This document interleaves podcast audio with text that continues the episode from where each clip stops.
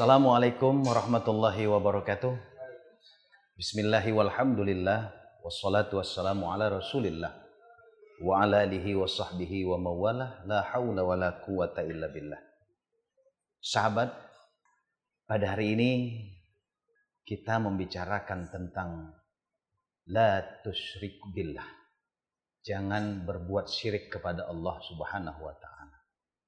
Sebagaimana Rasulullah Shallallahu Alaihi Wasallam semua dosa nanti akan diampunkan Allah di akhirat. Sebesar apa pun dosa kita. Karena memang innallaha ghafurur rahim. Sungguhnya Allah maha pengampun lagi maha penyayang.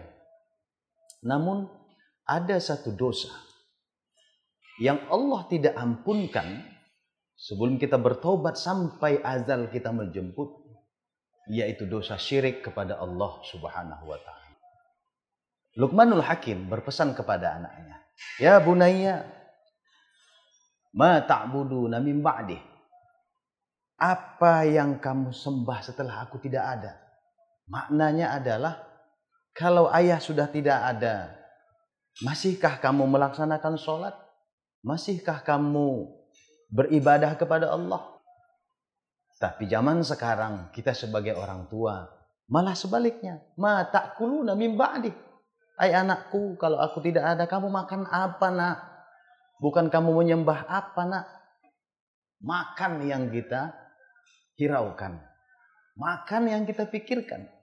Bukan ibadah anak kita. Nah sobat Arikin TV yang saya cintai. Dalam kesempatan ini, cabang-cabang kesyirikan ini banyak. Salah satunya adalah berbuat ria. Berbuat ria bagian daripada syirik kecil. Contoh kecil ria yang saya maksud di sini umpamanya kita lagi sholat asar di sebuah masjid. Sendirian umpama kita sendirian. Tidak berjamaah ketinggalan umpamanya. Nah kemudian sewaktu kita sendirian di masjid kita berniat lillahi ta'ala. Sholli fardal asri arba'a raka'atin lillahi ta'ala. Karena Allah semata-mata karena Allah. Takbirlah kita sholat kita khusyuk kita hanya hanya kepada Allah kita menyembah. Nah kemudian di rokaat yang kedua umpamanya adalah orang masuk. Lalu kita ketahui ada orang masuk ke dalam masjid. Begitu ada orang masuk kita lebih khusyukkan gaya sholat kita. Kita robah gaya sholat kita seperti khusyuk sebenar-benarnya. Supaya dilihat orang sholat kita khusyuk. Itu bagian daripada syirik kecil. Yang tadinya sewaktu rokaat pertama, rokaat kedua kita hanya kepada Allah. Tapi begitu ada orang berbagi niat kita kepada Allah dan kepada orang lain. Supaya dilihat orang kita menjadi orang yang alim. Supaya dilihat orang kita sebagai orang yang tawadu. Supaya dilihat orang kita sebagai orang yang khusyuk.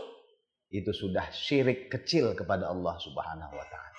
Oleh karena itu, jangan berbuat syirik karena kesyirikan adalah dosa yang paling besar di antara semua dosa-dosa besar. Dan dosa yang tidak diampunkan Allah. Bukankah nanti di akhirat sewaktu kita diadili oleh Allah. Di akhirat itu ada pengadilan terbuka, ada pengadilan tertutup. Nah, kita berdoa kepada Allah semoga Allah memberikan kita pengadilan tertutup. Hanya kita dengan Allah.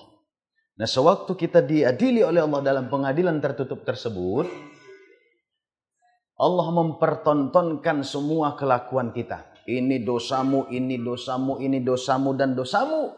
Kita terpojok. Kita tidak tahu lagi mau berbuat apa. Tapi dengan kemuli kebesaran Allah. Kemaha maghfirahan Allah. Kemaha rahmannya Allah. Kemaha rahimannya Allah. Kata Allah, aku ampunkan dosamu. Dengan catatan, jangan berbuat syirik. Kalau kita berbuat syirik, habislah sudah. Tidak ada harapan kita untuk mendapatkan ampunan oleh Allah. La tusyrik billah. Jangan berbuat syirik kepada Allah. Segala mah ibadah-ibadah kita khususkan hanya kepada Allah.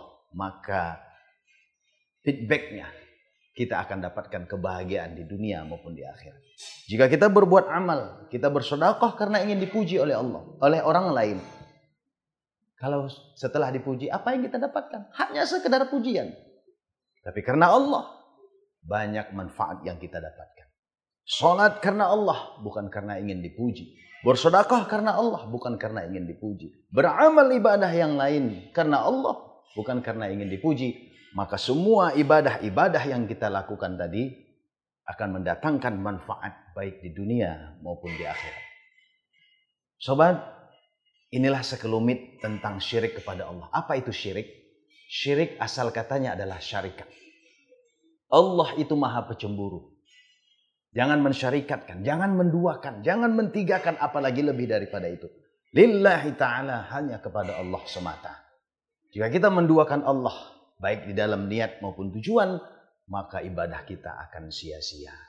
Semoga dengan ibadah atau dengan ceramah yang singkat ini dapat merubah daya cara berpikir kita dalam beribadah kepada Allah hanya semata karena Allah dan pelan-pelan kita robah ini semua. Saya tahu ini tidak akan dapat kita lakukan tanpa uh, continue, tanpa belajar. Tanpa dimulai dari sekarang. Mari kita belajar memulai dari sekarang. Segala ibadah kita hanya semata karena Allah.